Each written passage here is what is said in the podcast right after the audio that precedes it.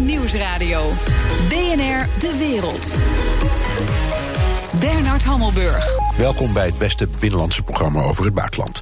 Straks, Noord-Korea heeft de atoombom. Iran wil hem misschien. Amerika en Rusland hebben huiveringwekkende arsenalen. En ze bouwen er meer en steeds engere. Straks daarover Sico van der Meer. Maar eerst, over de Turkse inval in Noord-Syrië kun je niet zeggen dat hij onverwacht kwam. President Erdogan was er al maanden klaar voor. En nu Donald Trump hem een opening bood, sloeg hij onmiddellijk toe. We begin tonight with the military operation underway right now. Just days after President Trump announced a withdrawal of U.S. troops from a key part of Syria after a phone call with Turkey's president, Turkey is now striking the very U.S. allies, the Kurds, who helped the U.S. fight ISIS. Turkey's military first launching airstrikes on Kurdish targets, and tonight there are reports that civilian targets have been struck as well. Civilians now trying to flee to safer ground. Officials there are warning of a humanitarian catastrophe tonight. Ik ga daarover praten met Peter Weininga, defensiespecialist bij het Haag Centrum voor Strategische Studies. Welkom. Goedemiddag. Hi. Um, nou, uh, Erdogan wil een stukje grondgebied aan de Syrische kant van de grens om Syrische vluchtelingen in te plaatsen en een buffer te vormen tegen de Koerden die dat gebied dan uit moeten. Hele simpele vraag: gaat het hem lukken, denk je? Oeh, ja, dat is inderdaad een, uh, een simpele vraag, maar een, heel moeilijk om daar 1, 2, 3 antwoord op te geven. Um, vooropgesteld, nou, daar, daarom, daarom uh, hebben we jou ook gevraagd, hè? Ja. ja. Nou, vooropgesteld kun je wel zeggen um, hè, um, dat er een aantal bijkomende zaken zijn waarom hij dat doet, maar dat er één belangrijke hoofdreden is. En die heeft alles met de Koerden te maken. Wat hij daarnaast ook zegt: veiligheidszone, gebied creëren om uh, vluchtelingen op te vangen, et cetera. Dat zijn allemaal bijkomende zaken. Het belangrijkste punt is eigenlijk uh, dat hij een einde wil maken aan ja, de autonome Koerdische staat in het noordoosten van Irak. Omdat hij voortdurend heeft gezegd, ook tegen zijn eigen achterban. Uh, dat daar van daaruit uh, de PKK uh, zeg maar aanslagen pleegt in Turkije. Ja. dat is eigenlijk de belangrijkste reden. Ja. En um, nou hoor je dat Erdogan waarschijnlijk tevreden is... niet met dat hele gebied dat hij voor ogen had... maar misschien alleen maar met een strook, strook van, weet ik wat, een kilometer of tien. Maar dat moet ja. dan wel Koerden-Rijn, zo gezegd. Um, nou ja. vrezen wij steeds een bloedmat, maar kan hij ze niet gewoon uh, verdrijven? Eruit zetten? Ja. Wegpesten? Ja, ja, goed, dan heb je het over etnisch zuiveren, zeg maar. Hè. Dat is nog steeds een, een, een misdrijf. Maar um, uh, ik denk inderdaad dat hij dat wil. De, dat, en daar gebruikt hij dan Arabische, Syrische vluchtelingen voor... die zich in Turkije bevinden, onder, ongeveer 3,5 miljoen. En die wil hij in dat gebied uh, uh, settelen, zeg maar. Ja. Um, het is de vraag of die daarop zitten te wachten, overigens. Want ik heb eigenlijk het gevoel dat ze niet daarheen worden verhuisd... maar gewoon worden gedeporteerd. Ja. Uh, want het zijn Arabieren, Syriërs... die helemaal niet uit die regio komen... maar meer uit het westen van, van Syrië. Dus het is ook maar de vraag of die daarop zitten te wachten. Ja. Um, maar goed, aan de ja, andere kant, hij, hij heeft er nu bijna 4 miljoen in Turkije. Ja. Dus ik kan me best voorstellen dat hij zegt: uh, ik richt, uh, nou ja, mijn woorden dan, een soort concentratiekamp in. om er 2 miljoen te parkeren. Dan wordt de druk in eigen land net een tikkie minder. Ja, ik, ik, snap, ik snap die zorg wel hoor. Ik bedoel, de situatie, de situatie lijkt onoplosbaar, ook voor wat betreft die vluchtelingen. Want die willen natuurlijk ook niet graag terug naar gebied wat uh, in, in, handen is van, de, van het regime van Assad. Dus, dus mogelijk kiezen ze er wel voor zelf ook om in, zich in dat gebied uh, te vestigen. het is frappant dat je ziet waar hij nu, zeg maar, de afgelopen uren zijn belangrijkste focus eigenlijk in dat gebied is een, een, een, streek langs de grens waar de, de Arabi Arabische bevolking relatief meer is dan de Koerdische bevolking. Als je het hele gebied kijkt, is in het, het, zijn de Koerden wel in de meerderheid. Maar in dat kleine stukje zijn met name Arabische stammen meer in de meerderheid. En daar richt hij zich dus in eerste instantie op. En van daaruit, ik denk ook dat hij verwacht dat hij daar steun krijgt. En, uh, en dat hij daar ook de meeste Arabische, Syrische vluchtelingen terecht. Uh, ja, en dan drijft hij die, de, de Koerden die de, in, in handen van Assad, zou je zeggen. Uh, ja, eigenlijk wel. Je hebt de afgelopen dagen al gezien dat er wat openingen zijn. Uh, wat, wat toenaderingspogingen aan beide kanten overigens. Uh, vanuit de SDF, hè, de, de, ja. de Koerdische militie of de, de, de vrije Syrische strijdkrachten, zeg maar. Die voor 80% uit Koerden bestaan. En, en het vertegenwoordigers van het regime van Assad. Dus het zou me niet verbazen als dat gebeurt. De vraag is ja, wat voor prijs ze daarvoor moeten betalen natuurlijk. Steun van Assad. Um, heel groot is de kans dat ze hun autonomie dan ook moeten opgeven. Uh, maar dan worden ze in ieder geval min of meer beschermd tegen Turkse aanval. Ja, goed, maar je zou ook kunnen zeggen: van, nou, als je door de bril van Assad kijkt, of door de bril van Erdogan, denk je, ja, maar er zit ook wel iets van logica in. Um, Assads ideaal is om Syrië te herstellen met Syriërs. Ja. Nou, dit zijn Syriërs. Um, en als die zeggen we hebben een gezamenlijk belang um, en misschien niet helemaal zoals we wilden, ja, dan kunnen ze elkaar ja. toch politiek op zijn minst omarmen. Ja, dat zou kunnen. Ik bedoel, niets is onmogelijk wat dat betreft. Hè. Je hebt de afgelopen jaren zoveel wendingen gezien in het hele verhaal. Ook met name bij, bij Turkije. Uh, dus de, de volgende wending zou me ook niet verrassen. Um, uh, ja, de situatie is gewoon zo, inderdaad. Uh, uh, Erdogan zat in zijn maag met al die vluchtelingen. Ehm, is er liever kwijt dan rijk. En ziet een gelegenheid om verschillende dingen te combineren. He, de, de, de, de Koerdische uh, autonomie in dat gebied uh, ja, buiten werking stellen, zeg maar, waardoor hij verwacht dat de PKK, hè, de, de, de, de Koerdische verzetsbeweging, minder gesteund zal worden. En, en daarnaast inderdaad die vluchtelingen onderbrengen, waardoor hij een soort buffer krijgt ook. Nou, nou, nou even de reacties. Frankrijk roept de Veiligheidsraad bijeen. Uh, minister Blok ja. ontbiedt de Turkse ambassadeur.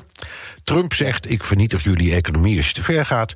Trekt Erdogan zich ook maar iets aan van die uh, verontwaardiging en dreigementen? Ja, je kunt zeggen ja, want hij dreigt terug dat hij, uh, tenminste tegen Europa, dat hij de, de, de vluchtelingendeal de nek omdraait. Maar trekt hij het zich echt aan?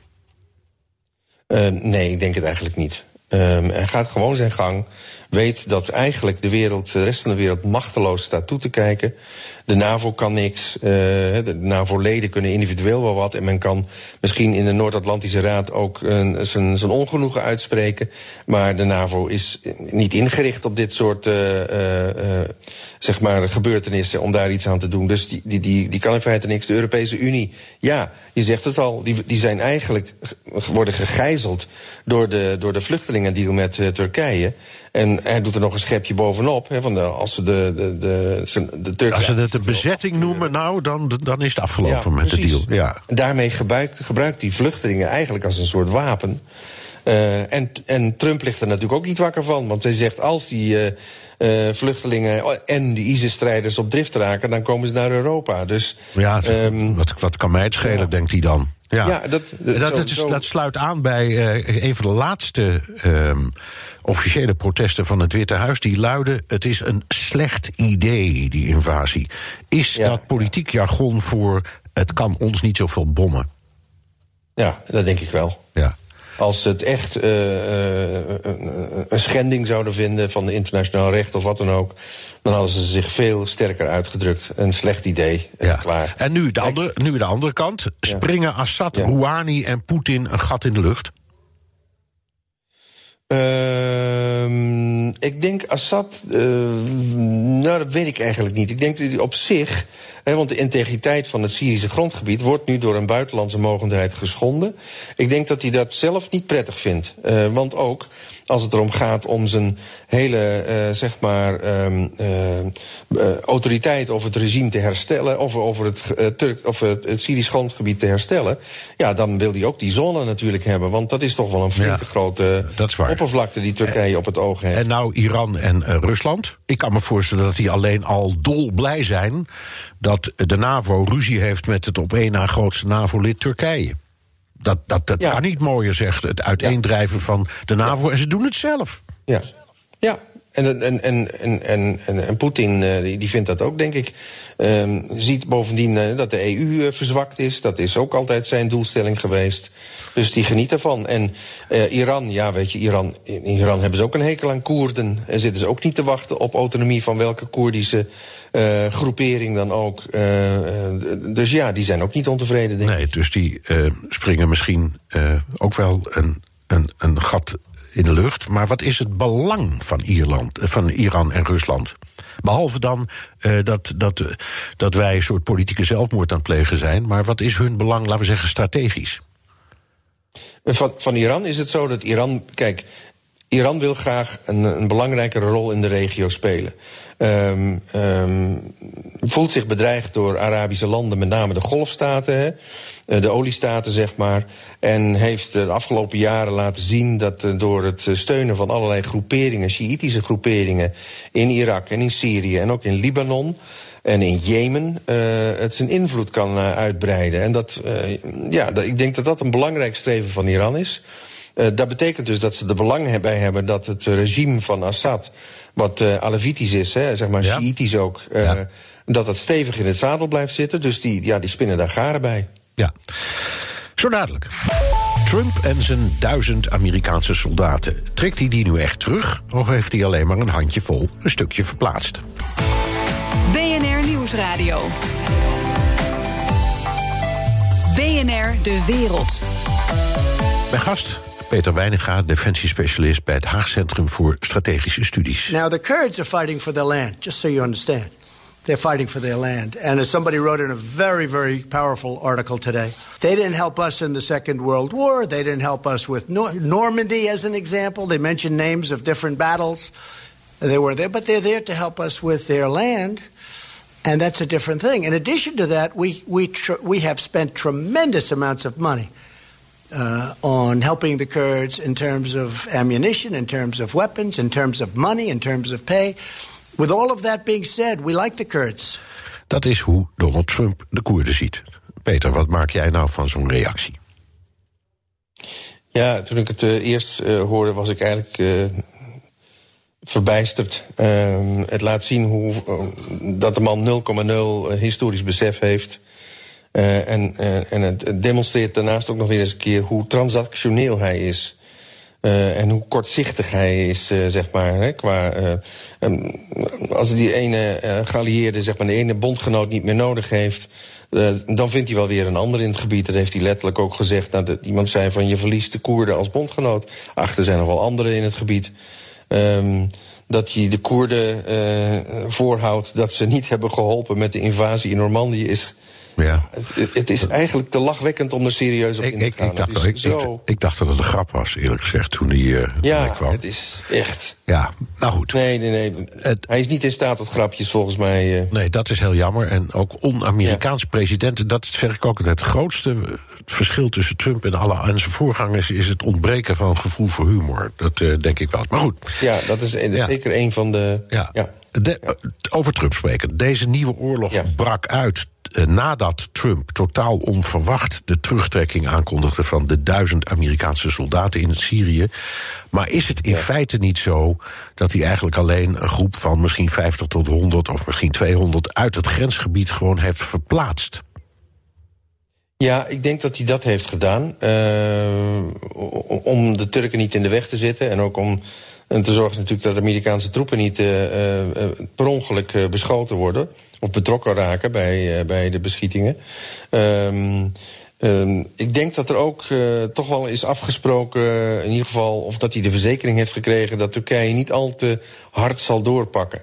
En wat je gisteren hebt gezien, zijn beschietingen en wat bombardementen. Maar dat was eigenlijk, als je van plan bent, een massale operatie op te zetten om een gebied van 400 bij 32 kilometer in te nemen. Dat is een ontzaglijk uh, groot gebied.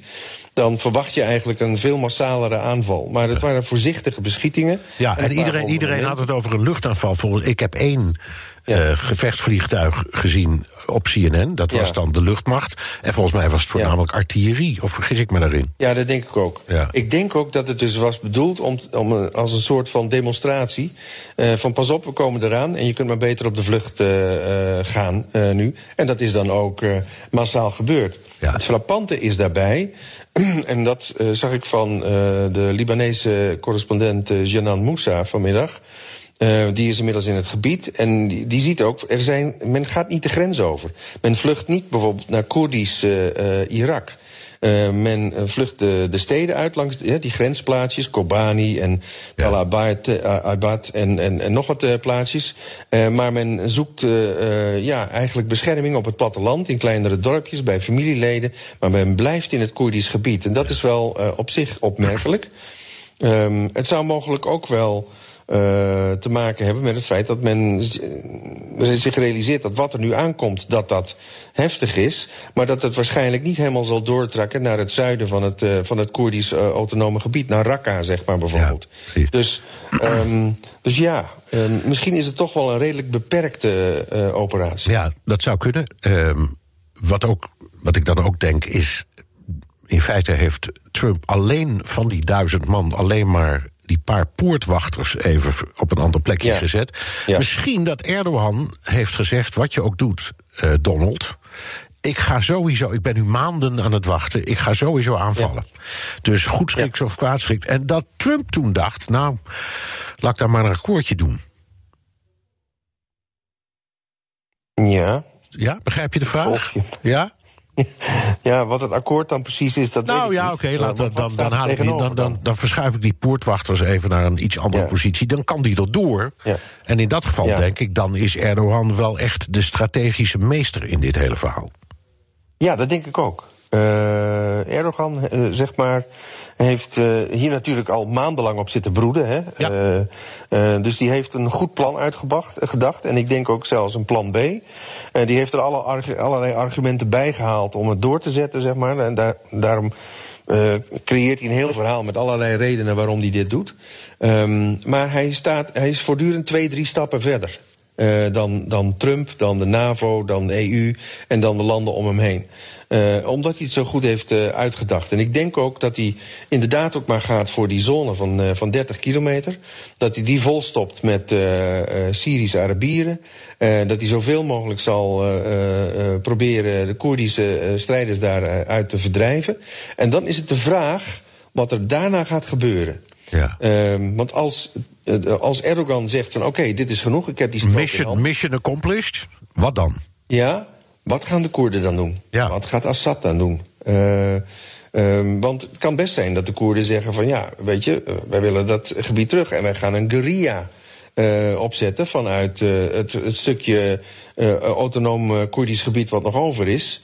Om die, om die zone terug te krijgen. En dan is het ook de vraag wat Assad gaat doen. Ja. Gaat hij ze daarbij steunen? Of gaat hij juist Turkije tegemoet komen? Door die Koerden in de rug aan te vallen, bij wijze van spreken. Ja. Dus uh, dus ja, dit en, is nog en, niet en, over. En nu de, de positie van de Amerikanen. Mijn, mijn stelling is steeds, ja. die, die duizend uh, Amerikanen die daar zitten... die haalt uh, Trump niet weg, zeker niet... na de, de barrage van kritiek die hij vooral uit zijn eigen partij heeft gekregen. Dus die ja. krapt zich op zijn hoofd en die zoekt dan een smoes of zo. Laat ze gewoon zitten. Denk je dat ook? Nou, uit, uiteindelijk, laat ik zo zeggen, als het dus stopt eh, bij die 30 kilometer en, en, en, en het blijft verder rustig. Eh, dat wil zeggen dat de Koerden ook niet uh, een guerrilla gaan organiseren uh, richting die zone. Uh, dan denk ik dat de Amerikanen daar kunnen blijven zitten. Ja. maar als, het, als dat niet gebeurt en, en, en Erdogan pakt door en de Koerden die blijven zich verzetten. ja, dan, dan heeft hij weinig keus of de Amerikanen wegtrekken of zichzelf in de strijd mengen. En dat zal hij niet doen. Nee, dat gaat hij nooit doen natuurlijk in een, nee. in een verkiezingsjaar. Uh, nu even, nee. Komt er nu, is er nu een kans op een, weer een nieuwe vluchtelingenstroom? Is er een kans op een revival van IS? Uh, die zitten nou ja, nog... er is zeker kans op ja. revival van IS. Um, er is al gisteren, geloof ik, per ongeluk zelfs een opvangkamp van, uh, met IS'ers geraakt. Uh, uh, nou ja, dat kan alleen al, uh, zeg maar, een aanleiding geven tot ontsnappingspogingen. Ehm, maar ook het feit dat de Koerden ja, minder aandacht zullen hebben voor de bewaking en verzorging van IS-gevangenen en hun gezinnen, vrouwen en kinderen, kan best wel aanleiding geven tot ontsnappingen. Ja. Ehm, mogelijk zelfs dat IS zelf, vanuit het, de gebieden die ze nog in handen hebben, uh, wat zuidelijker in, uh, in Syrië, uh, ja, expedities op touw zet, zeg maar, om, om die ontsnapping teweeg te brengen. Ja. Um, maar in ieder geval zou dat een versterking met een, toch wel iets van 6000 strijders betekenen. ja, en dat is niet iets waar we op zitten te wachten. Nee, dat is aanzienlijk. en nu ja. even um, vluchtelingen. Uh, ja. Ik kan me voorstellen, jij zei tot nu toe zie je wel mensen uit dat gebied zelf vluchten. Dat hoorde je van, ik dacht, ja. een Libanese waarnemer. Ja. Uh, maar ze trekken nog niet de grens over. Maar als dit even doorzet, dan kan ik me voorstellen dat ze echt ja, alle kanten opvliegen. Misschien ook de onze. Ja.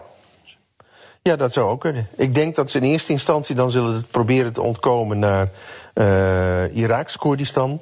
Um, dat is ook een autonome regio. Die wordt uh, erkend door de regering in Bagdad. Dus die wordt niet echt bedreigd. Um, ja, dan kan het zijn uh, dat uh, Erdogan ook een stukje Irak intrekt. Dat heeft hij eigenlijk al een beetje op gehind eerder. Dat de operatie gericht is op ja, het pacificeren zeg maar, van de grensstreek tussen Syrië en Turkije. Maar dat hij mogelijk ook de grensstreek tussen Irak en, en Turkije wil aanpakken. Um, maar um, ik denk niet dat we meteen een, een enorme vluchtelingenstroom richting uh, het regime van Assad zullen zien. Want daar zitten de Koerden, uh, of die zit punt 1 niet op de Koerden te wachten. En de Koerden zullen zich daar ook niet. Nee. En, en dan tenslotte, dat, dat mag niet onbesproken blijven, die, die rare relatie tussen uh, de NAVO en het één na grootste lid binnen de NAVO, ja. Turkije. Dat, die, die relatie ja. loopt linksom of rechtsom een enorme deuk op. Ja. Uh, wat moeten we daarmee? Je kunt, de, je kunt ze niet uit de NAVO zetten, je kunt ze geloof niet schorsen, zit allemaal niet in het handvest. Um, hoe, hoe moeten we daar, daar tegenaan kijken? Wat moet iemand als Jens Stoltenberg, de secretaris-generaal, of Donald Trump, uh, de leider van het belangrijkste NAVO-land, wat moeten die hiermee? Nou, in feite is de NAVO voor wat betreft Turkije een beetje vleugellam geworden. Sinds Turkije uh, toch wel redelijk warme banden met uh, Rusland is aangegaan. Um, de, ja, die, die, de aankoop van die raketten. ja. Onder andere. Ja. Onder andere. Eigenlijk is dat alleen maar een een symptoom van die, van die, van die hechtere banden met, met Rusland. Dus dat betekent dus dat als de NAVO zich bezint op allerlei maatregelen, bijvoorbeeld Turken uitsluiten van deelname aan oefeningen, uh, wapenleveranties, zeg maar, hè, programma's stilzetten, zoals de Amerikanen in feite al hebben gedaan met de levering van F-35 onderdelen aan Turkije. Dat hebben ze stilgezet. als ze nog meer van die maatregelen volgen, dan heb je best kans dat, dat, dat, dat Erdogan zegt van ja. Uh, who, who, cares? Uh, dan, dan, dan, ga ik wel verder met de Russen. En dan stap ik uit de NAVO. Uh, en dat wil men natuurlijk wel hm. weer voorkomen ja. Ehm, binnen de NAVO. Dus ook de NAVO heeft maar heel weinig bewegingsruimte, zeg maar, om Turkije de wacht aan te zeggen. Net zo min als de EU eigenlijk. Ja. Dank. Peter Weininga, defensiespecialist bij het Haags Centrum voor Strategische Studies. DNR Nieuwsradio. DNR De Wereld. Bernard Hammelburg. Turkse president Erdogan dreigt de deuren naar de Europese Unie open te gooien voor Syrische vluchtelingen. Daarmee speelt hij in op de grootste angst van de EU dat de bombardementen en invasie van Noord-Syrië en de invasie van Noord-Syrië zal leiden tot een grote stroom vluchtelingen richting Europa. Hebben ze vanuit Brussel en vanuit Europese hoofdsteden een antwoord? Europa-verslaggever Jesse Pinster, het is nog een dreigement van Erdogan. Mhm. Wanneer voegt hij de daad bij het woord? Als de Europese Unie stelt dat die invasie een bezetting is. En ik heb het statement van de Europese Unie, wat uh, dan naar buiten gekomen is via de buitenlandsvertegenwoordiger Mogherini, gisteravond was dat, nog eens op nagelezen. Het woord bezetting staat er in ieder geval niet in op dit moment. Nee. Hoe groot is de kans dat de EU ook werkelijk harde stappen neemt tegen Turkije die tot vergelding vanuit Ankara zullen leiden? Ja, dan moeten we mogelijk wachten tot maandag. Dan komen de ministers van Buitenlandse Zaken bijeen voor een vergadering die al lang gepland stond. Maar daar staat dit onderwerp ook op de agenda. En ja, ik heb zo mijn twijfels of ze dan het woord bezetting gaan gebruiken, zeker na dit dreigement vanuit Ankara. Maar je komt dan ook bij een veel fundamenteler punt als je kijkt naar de Europese buitenlandbeleid. Daar is unanimiteit nodig. Gisterochtend waren ze bezig met een statement over Turkije en de intenties die ze toen nog hadden. Want dat was voordat duidelijk werd dat die invasie plaats ging vinden. En Hongarije lag toen al dwars. Die gebruikte dus een veto, zodat er geen uh, geen statement naar buiten zou komen. Nou, toen kwam later op de dag begonnen die bombardementen. Is Hongarije toch wat bijgetrokken? Al zeggen ze zelfs dat al die berichten over veto's, dat was allemaal fake nieuws.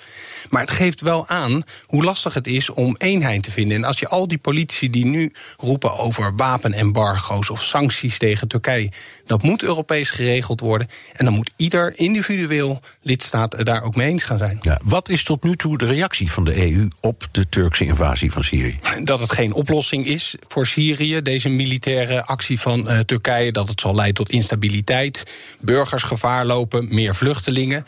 Nou goed, dat hoor je overal wel. Maar het is wel interessant om eens te kijken wat zijn nou de prioriteiten vanuit de Europese Unie. En een indicatie daarvan kregen we eigenlijk gistermiddag, eind van de middag, dus toen waren de bombardementen al begonnen, van Jean-Claude Juncker. Die spreekt niet voor iedereen in Europa, maar het geeft wel een indicatie. En toen hij over Turkije begon te praten, was dit het eerste wat hij zei. Turkey is of course a key partner for the European Union, not least when it comes to cooperation on migration. Ja, dus die samenwerking op het gebied van migratie, dat is prioriteit één. En daar had hij het zelfs over dat dat ook een goede samenwerking is met uh, Turkije. Dan zou je denken, daarna gaat hij over die invasie beginnen. Maar nee, toen begon hij eerst over gasboringen rond Cyprus. There other issues on which I cannot be so complimentary. When it comes to Turkey's illegal drilling operations in the eastern Mediterranean, I have to repeat, I'm a Cypriot. Ik ben een Cypriot, zegt Jean-Claude Juncker daar. Heeft te maken met Turkije. Ja. Die willen boringen uh, uh, naar gas uitvoeren in wateren rond Cyprus, waarvan de EU zegt dat is van Cyprus. En dat is een EU-land, dus dat vinden we belangrijk. En pas toen kwam hij bij zijn punt over die invasie. I call on Turkey to act with restraint and to stop operations already, as we are speaking, underway. En dan voelt hij er nog aan toe. Wij gaan niet betalen voor al die vluchtelingen die Erdogan straks in dat stukje Noord-Syrië wil gaan opvangen. Want dat is een van de plannen van Erdogan. Ja, wij gaan daar niet voor betalen. Dat, ja. Ze betalen natuurlijk voor een hoop opvang van Syrische vluchtelingen in Turkije. Maar dit is blijkbaar het dreigement wat Erdogan op andere gedachten moet brengen. Meer vluchtelingen die naar Europa komen lijkt de grootste zorg voor de EU. Maar er is nog een ander risico. Dat is IS-strijders die gevangen worden gehouden in Noord-Syrië. Ja, en ook in dat statement van Mogherini wordt daar al uh, aan gerefereerd. Ze vrezen de heropleving van Daesh. IS noemen wij dat in Nederland uh, meestal. Omdat die strijders mogelijk vrij gaan komen. Weet je, en dan kom je toch bij een punt waar die Europese landen indirect verantwoordelijk zijn voor die invasie die nu plaatsvindt.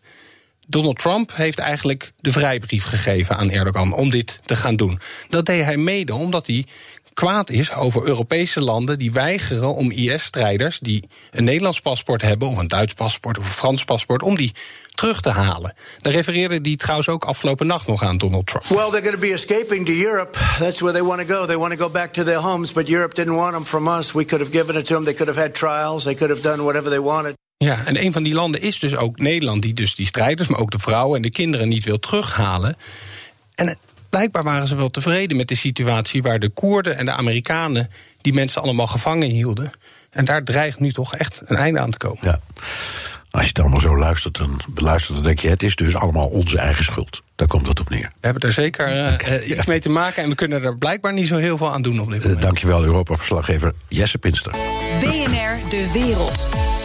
Tijdens de Koude Oorlog sloten Rusland en Amerika kernwapenverdragen af om de hoeveelheid van deze massavernietigingswapens te beperken.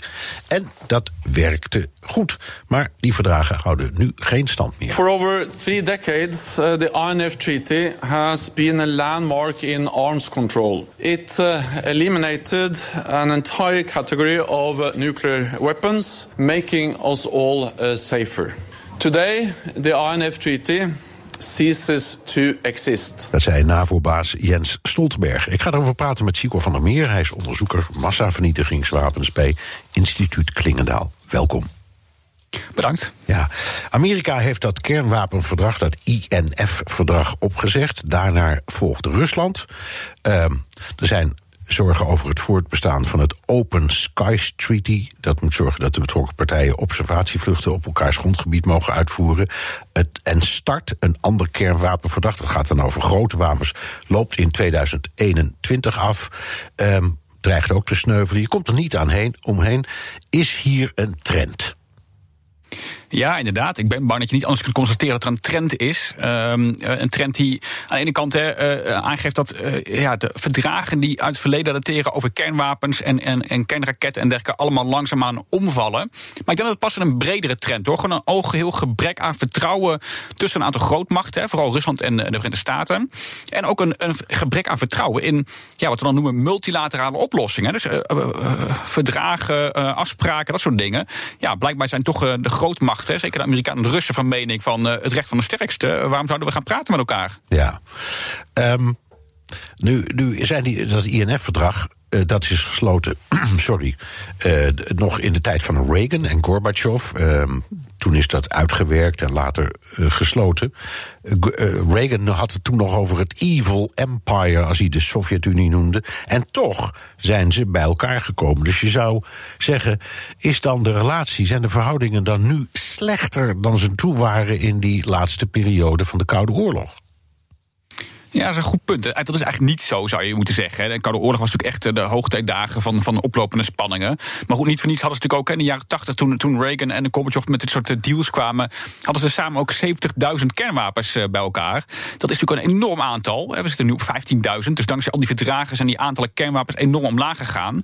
Maar je ziet toch dat, na, vooral na de Koude Oorlog, ontdooide de boel tussen Rusland en de Verenigde Staten. Maar de afgelopen jaren is die spanning toch verder opgelopen weer. Hè. Ik zeg niet dat we weer in een, koude oorlog, zoals in de jaren 80 of jaren 70 zaten, eh, zaten, nu weer zitten. Maar ja, het gebrek aan vertrouwen, het, het, wederzijdse wantrouwen eigenlijk, dat loopt wel snel op, vind ik. En dat zie je aan de ene kant in die trend aan omvallende verdragen, maar ook daar maak ik me ook veel zorgen over. Het gebrek aan dialoog, het gebrek aan communicatie. Het is gewoon ja, naar elkaar roepen en eh, je eigen standpunt innemen. Maar er is heel weinig contact, lijkt het meer, tussen beide landen. Ja, nu even naar, laten we maar zeggen, de technische kant. Eh, dat INF-verdrag is gesneuveld. Dat is het, dat is het verdrag voor midden, korte en middenafstandsraketten vanaf land ge, gelanceerd. Um, maar ze, en ze beschuldigen elkaar van schending daarvan. Dus de, Amerikanen zeggen: ja, jullie zijn bezig met een, hele, met een generatie hele nieuwe wapens. Dat is tegen de afspraak. De Russen zeggen: ja, maar jullie uh, zetten in, in uh, Oost-Europa allerlei installaties neer die, die daar ook aan voldoen tegen ons gericht. Dus ze beschuldigen elkaar van vals spelen, hebben ze ook allebei gelijk. Ja, dat is lastig te zeggen in een wel eens niet een spelletje. Ik, ik denk dat ze allebei zeker een punt hebben hoor. Ik denk dat uh, redelijk goed vast dat de Russen inderdaad vals spelen. Althans, kijk, de Russen zeggen: we hebben een raket ontwikkeld. Die kan ook de verboden afstand vliegen. Alleen we kunnen die afstand instellen van tevoren. En we vliegen dus die verboden afstand er niet mee. Hè. Hij vliegt net buiten die, die, die, die uh, verboden afstand. Ja, goed, dan moet je met, met ze over in gesprek. Het feit dat het kan is natuurlijk geen goed teken. Het, het is een beetje vals spelen. Aan de andere kant, hè, de Russen zeggen: de Amerikanen bouwen een raketschild waarbij ook in Polen en Roemenië installaties staan. Dat zijn eigenlijk omgebouwde normale raketlanceerinstallaties die ze nu gebruiken voor raketverdediging. Ja, zeggen de Russen. En dat zijn ook verboden raketten. En daar zeggen, de Amerikanen van, nou, vertrouw ons maar, het is niet zo. Dus ik vind dat ze aan allebei de kanten een beetje erg makkelijk mee weglopen van, nou, wij hebben gelijk en jullie niet. Ja, maar dat is toch dan toch wel een beetje de kern. Um Even, even een vraag zomaar ertussendoor. Als je nou zo'n middellange afstandsraket, want dat, dat verdrag, dat INF-verdrag, dat, dat gold voor raketten die vanaf de grond worden gelanceerd. Maar als je ze vanaf een schip lanceert, dan zijn het plotseling lange afstandswapens geworden. Want dan kun je ze met een onderzeeër eerst naar het andere eind van de wereld brengen. Is dat net zoiets als dat draaien aan dat knopje waar de Russen het over hebben? Ja, ik weet dat het een kromme vergelijking is, maar toch. Nee, ik, ik, snap helemaal wat je bedoelt. En, en je, hebt ook helemaal gelijk. Uh, wat maakt het uit of je een raket nou van de grond of van, van, van, van zee afvuurt? Ja, zelfde raket. Ja. ja, het is dezelfde raket inderdaad. En met een onderzeeboot eh, vaar je gewoon naar de kust en dan ben je nog steeds vlak bij land. Dat, dat, dat klopt helemaal. En toch um, vond men destijds in 1987 toen het verdrag afgesloten. Van ja, maar als we nu ook allemaal in Europa deze raketten gaan stationeren. op Europees territorium. dan voert dat de spanning toch extra op. Hè. Dan heb je toch meer escalatiegevaar. Je staat er nog dichter bij elkaar op, op de neus, laat ik maar zeggen. Dus laten we in ieder geval dat stukje escalatie uh, helemaal uh, weg onderhandelen nu. Ja, dat er dus andere van de vergelijkbare soorten raketten zijn overgebleven. Dat is natuurlijk ook jammer. Maar ja, toch elk stapje dat je de wereld veiliger kunt maken is mooi meegenomen, ja, denk ik. Ja, en we herinneren, sommigen van ons herinneren de, de raketcrisis nog. Dat ging daar ook over. Over het plaatsen van middellange afstandsraketten in Europa. Met als redenering, ja, daar zou de, de limited nuclear war eerst beginnen. Ja, ja, inderdaad. En nu kun je zeggen, misschien is er een soort vergelijking. Want ja, waarom maken Rusland en Amerika zich zo druk over dat INF-verdrag? Want de raketten, volgens de formulering die er is, kunnen elkaars territorium helemaal niet bereiken. Dus wat kan het schelen? Dat klopt inderdaad. Juist deze middellange afstandsraketten, die, die, die halen elkaar niet. Maar als die neerkomen, dan komen ze per definitie het tussenliggende gebied in. Dat is Europa. En daarom was ook dat INF-verdrag zo belangrijk voor Europa. En inderdaad, je noemde inderdaad dat uh, limited nuclear war, een, een kleine nucleaire oorlog eigenlijk. Ja, dat was Caspar Weinberger, geloof ik, die die kreet had bedacht, de toenmalige minister van Defensie. Ja, en, en, en die, die term is eigenlijk wel weer in zwang geraakt, gek genoeg. Hè? Je zou denken, nou, kernwapens, een koude oorlogfenomeen. Maar je hoort toch nu in de retoriek hè, van mensen als Trump en Poetin... hoor je kernwapens steeds vaker terugkomen. En ook dat rare begrip van een, een, een kleine nucleaire oorlog... is ook weer een beetje in zwang geraakt, gek genoeg. De meeste experts zeggen, het kan helemaal niet. Ja, je kunt niet een, een kleine nucleaire oorlog uh, gaan voeren... want dat escaleert meteen naar een echte nucleaire oorlog. En toch hebben bijvoorbeeld de Russen hebben een aantal keer aangegeven... Stel dat wij in een normaal conflict, conventioneel conflict met de NAVO komen, bijvoorbeeld bij de Baltische Staten. Als wij zo'n conflict dan aan het verliezen zijn, kunnen wij een kleine nucleaire kernbom gaan inzetten. Om het gewoon te laten zien, eigenlijk, jongens, tot hier en niet verder. En dan stop je meteen de NAVO-opmars, met de hoop dus dat de NAVO ook werkelijk stopt. En dat noemen we dan escalatie om te deescaleren met een nucleair wapen. Ja. En dat is precies die, die, die limited nuclear war die je net noemde, waarvan we toch dachten, nou, dat, dat kan toch helemaal niet. Dat is, dat is een, een, een, ja, een niet bestaat iets. Maar ja, blijkbaar is het weer in de mode geraakt. Ja, zo dadelijk. Hebben we niet veel meer te vrezen van de landen met kernwapens die geen Rusland of Amerika heten? BNR Nieuwsradio. BNR De Wereld. Mijn gast, Sico van der Meer, onderzoeker massavernietigingswapens bij instituut Klingendaal. Um, we hadden het net over dat uh, verdrag voor middellange afstandswapens. Er is ook dat, het startverdrag. Dat gaat over die hele grote raketten die helemaal elkaars gebied kunnen bereiken. Dat verloopt in uh, 2021, maar daar, ja, van weerskanten kun je zeggen, maken ze daar enorme zorgen over dat dat wel wordt verlengd. En hoe zit het daarmee? Ja, het is officieel het nieuw startverdrag, uh, afgesloten in 2010 uh, tussen uh, onder, president Obama nog. En inderdaad, het verdrag dat legt een limiet op aan het aantal kernwapens dat Rusland en de VS kunnen hebben. Het is een opvolger van onder andere START en SALT en SWORD, een hele reeks verdragen sinds de jaren 80 eigenlijk, die langzamerhand het, het grote aantal kernwapens in de wereld van 70.000 totaal naar 15.000 totaal nu heeft teruggebracht. die huidige limiet die erop zit, hè, die, die Rusland en de VS hebben afgesproken die loopt inderdaad af in 2021. Eh, en, ja, en normaal gesproken zou je dat verdrag dus gaan verlengen. of je gaat een nieuw verdrag eh, voor in de plaats eh, zetten. om het op te volgen eigenlijk. En je ziet dat de Russen nu al een ik denk wel twee jaar, misschien wel drie jaar onderhand lopen te roepen: jongens, we moeten hierover gaan praten. Hè. 2021 komt dichtbij. We moeten dit verdrag of gaan verlengen of een nieuw verdrag ervoor in plaats zetten. Maar de Amerikanen geven eigenlijk geen sjoegen. Trump laat eigenlijk weten van: nou ja, we hebben niet zo'n interesse erin. Hij heeft eerder ook dit verdrag ook een slecht verdrag genoemd, omdat de Russen net iets meer kernwapens mogen hebben dan de Amerikanen. En ja, experts maken zich steeds meer zorgen. Als je niet snel gaat overleggen, is het te laat. Hè. Dan stort het verdrag in en heb je niks meer. Nee, en wat, wat, is, wat zou het motief zijn van Trump?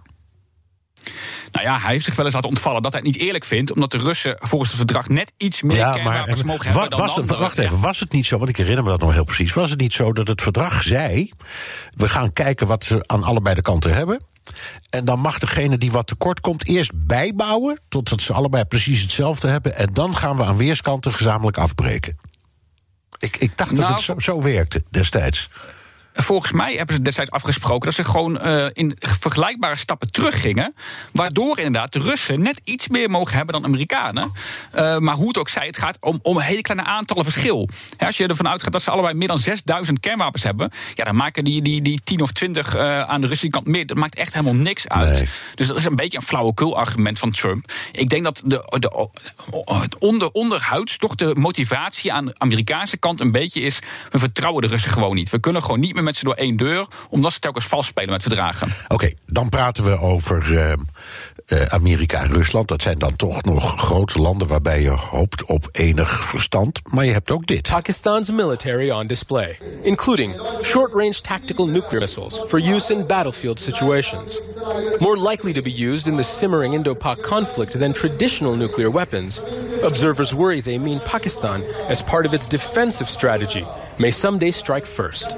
And as India, Pakistan, and neighboring China rush to modernize their nuclear arsenals, that could be the beginning of a second nuclear arms race. Gezworen vijanden, India en Pakistan, die hebben allebei kernwapens, zitten niet in het non-proliferatieverdrag.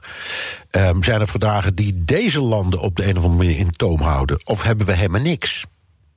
Uh, nee, onmiddellijk zijn helemaal niks.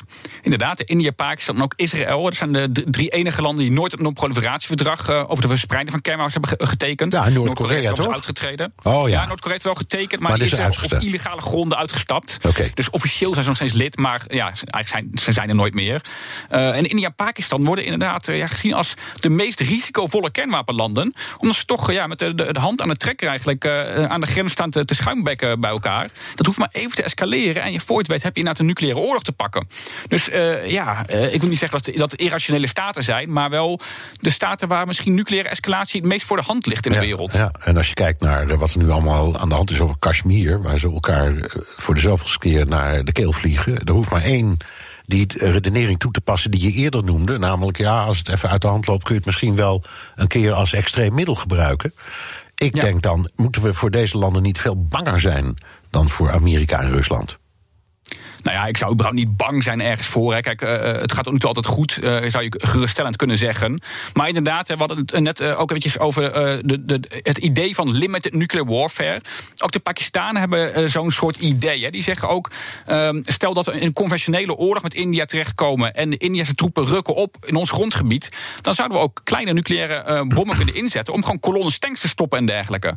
Ja, dan is natuurlijk wel de angst onder experts... van als Pakistan ermee begint, dan gaat India natuurlijk kernbommen teruggooien. En dan gaan ze steeds grotere kernbommen gebruiken. En voor je het weet heb je een echte nucleaire oorlog met tientallen miljoenen doden in de, de Indiase en Pakistanse steden die getroffen worden. Maar ook, hè, dat is natuurlijk het, het vervelende van kernwapens ook nog eens, wereldwijde klimaatgevolgen. Hè, waardoor nucleaire wintereffecten gaan ontstaan, waardoor wereldwijd oogsten gaan mislukken en er gewoon voedselschaarste gaat ontstaan. Waardoor je behalve al die slachtoffers in India en Pakistan ook nog ja, misschien wel miljarden doden in de wereld krijgt door ondervoeding, honger. Ja.